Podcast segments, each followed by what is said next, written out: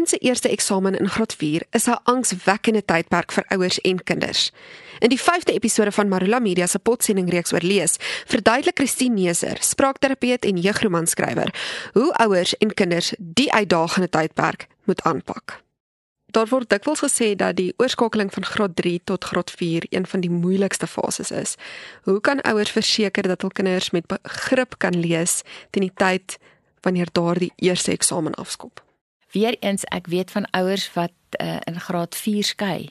Graad 4 is 'n ongelooflike stresvolle jaar vir meeste ouers want dit is daai ding van ons skryf eksamen die ouers se angs word die kinders se angs.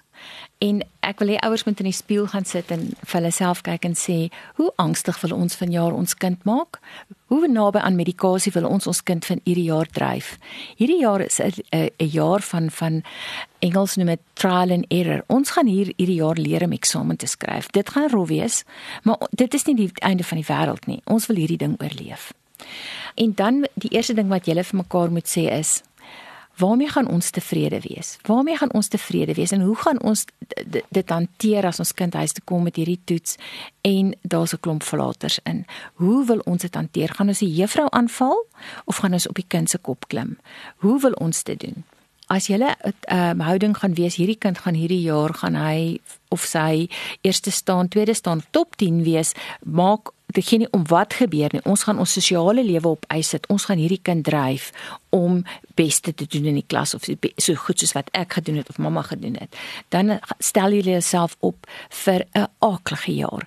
Nie twee kinders is dieselfde nie en jy weet in jou hart ter harte wat jou kind se vermoë is. Wat kan jy doen? Eerste ding is jy kan vir jou kind soveel as moontlik lees. Nie dis in die vakansie tussen graad 3 en 4 skielik nie, maar van jongs af en as jy dit nie gedoen het nie, is dit moeilik om skielik dit in oormaat in te haal. Maar jy kan jou kind se tyd op skerms drasties verminder. Dit is iets wat jy moet ongelukkig tyd inkort want jy het tyd nodig om met jou kind hierdie werk deur te gaan. Dan wag ons nie vir die eksamenweek nie. As mamma soms moet mamma ophou werk, sy met 'n middag vry, laat sy met haar kind kan sit en die werkies middag vir middag kan deurgaan bybly met die huiswerk.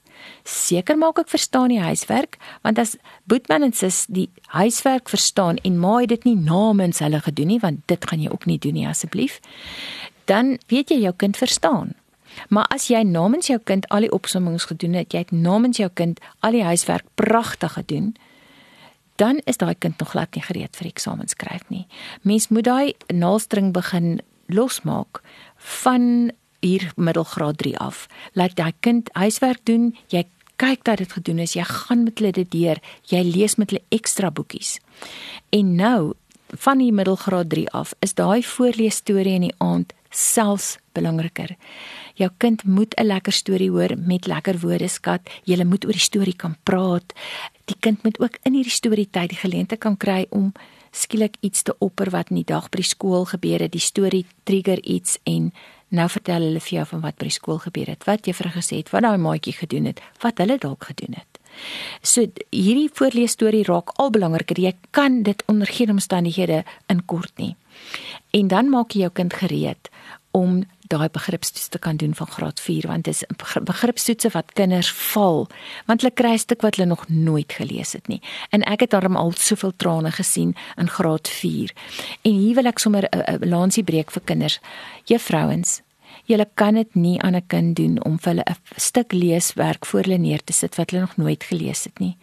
Dit gaan niks van jou vat om daai stuk saam met hulle hardop deur te lees nie. Nie een keer nie, twee keer. Dan vat jy onmiddellik daai angshormone weg. Jy vat die adrenalien weg en jy gaan regtig uitvind wat daai kind binne hy stuk kan doen. Doen dit in die eerste 2 eksamens van graad 4. Die eerste en die tweede kwartaal. Daarna kan jy uh, diferensieer en die ouetjies wat nog sukkel een kant neem en saam met hulle lees. En mammas wat daaroor 'n probleem het en sê die kinders word bevoordeel, joh, jy moet regtig op jou knieë gaan en dankie sê dat jou kind dit nie nodig het nie. Kom ons help hierdie kinders leer lees en ons kyk wat kan hulle doen. So dis die groot ding wat ons sê, dis daai lees voor hulle gaan slaap is so belangrik kinders wat daai storie voor die tyd het voor hulle gaan slaap met hierdie verhoogde konnektiwiteit 'n beter kans het om daai volgende dag hulle beste te gee. Watter impak het lees as stokperdjie op akademiese prestasie? Dit het 'n geweldige positiewe effek op 'n kind se um, akademiese prestasie. Kinders wat vir genot lees, is die hoogste vlak van lesers. In Engeland um, is uh, is daar 'n uh, geweldig baie studies gedoen oor hierdie ding dat kinders wat vir genot lees om een of ander rede net daai ekstra kapasiteit het en net beter doen, veral met jou begripstoetse. Want hulle het nie daai breër verwysingsraamwerk want hulle het al baie woorde gelees en hulle lees ekstra en hulle geniet dit. En hulle het nie angs wanneer dit kom by begripstoetse en opstelle nie, want ach, ek doen dit so baie, ek lees so baie, ek het soveel idees. As dit as die opstel kom, ek het al iets gelees daaroor. So om te lees vir ontspanning is besonder goed vir 'n kind se akademiese prestasie. Daai toevallige woorde wat hulle kry en natuurlik dan dan is dit jou regterbrein wat so ge, uh, absoluut gestimuleer word waar jou kreatiwiteit lê. In jou kreatiwiteit laat jou weer met ander oë kyk na 'n vraestel en dit gee vir jou daai ekstra bonuspunte. Die kognitiewe ontwikkeling is net dramaties wanneer 'n kind net vir genot lees. Sal kan dit nie genoeg goed praat nie. Watter raad het jy vir ouers wat besef dat hul kinders sukkel om te leer weens leesprobleme? Gewoonlik is dit 'n bietjie 'n komplekse ding. Ons weet nie is dit die lees, is dit die kind se studiemetodes, is dit die kind se konsentrasie, is dit ons hier te doen met 'n ADHD, wat het ons hiermee te doen? En hier wil ek ouers en onderwysers vra om weer eens as 'n span op te tree. Dis nie 'n een man tennis enkels hierdie nie. Hierdie is 'n spansport. Jy gaan met jou oopgemoed na jou juffrou en sê: "Hoorie jong, jy voel seker net soos ek."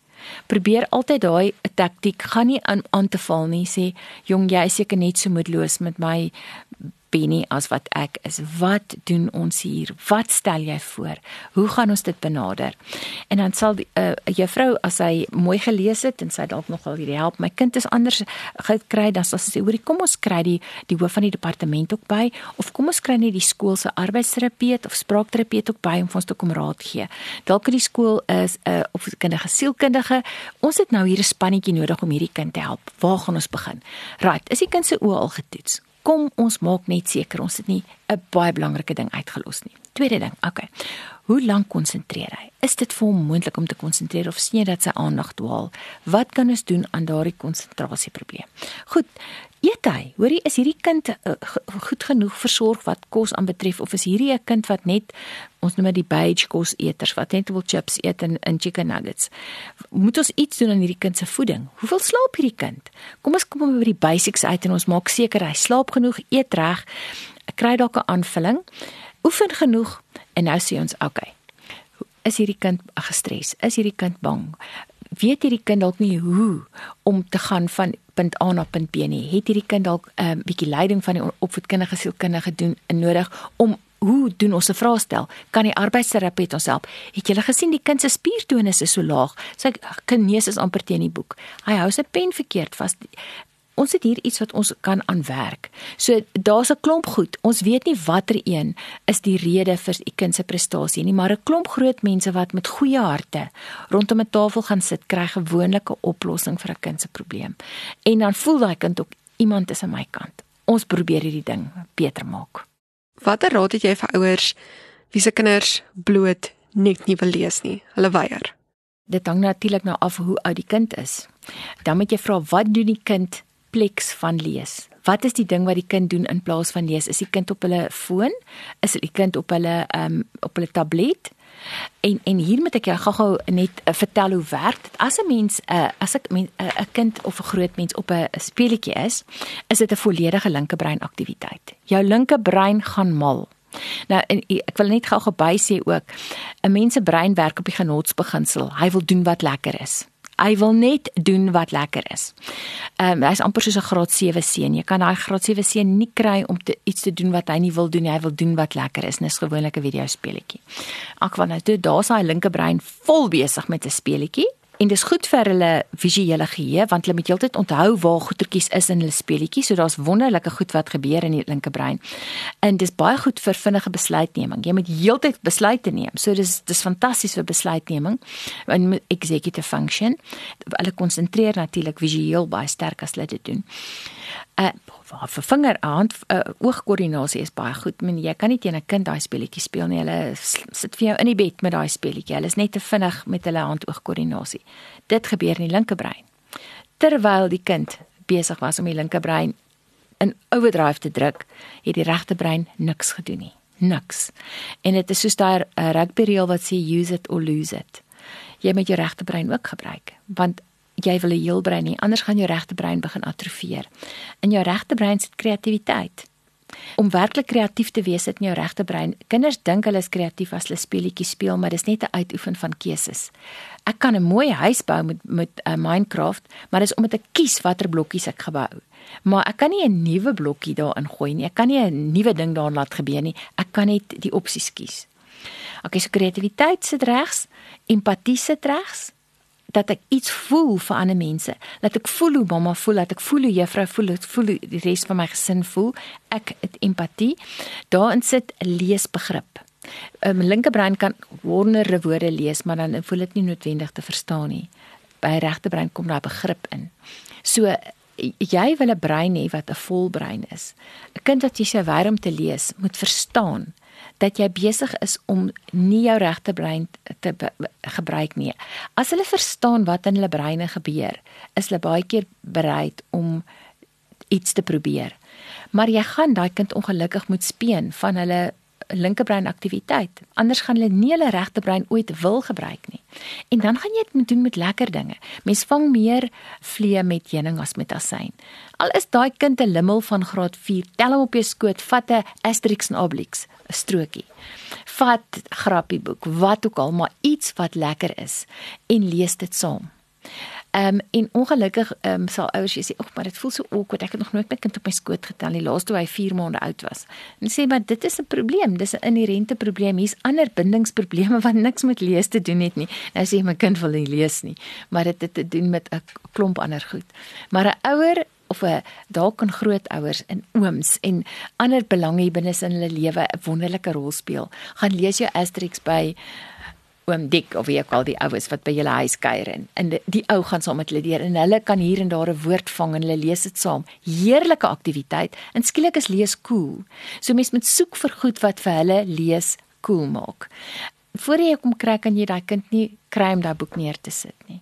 Skakel volgende week in vir die 6ste en laaste aflewering van Marula Media se potsending reeks oor lees wanneer ons met Christine oor lees en die hoërskool gesels.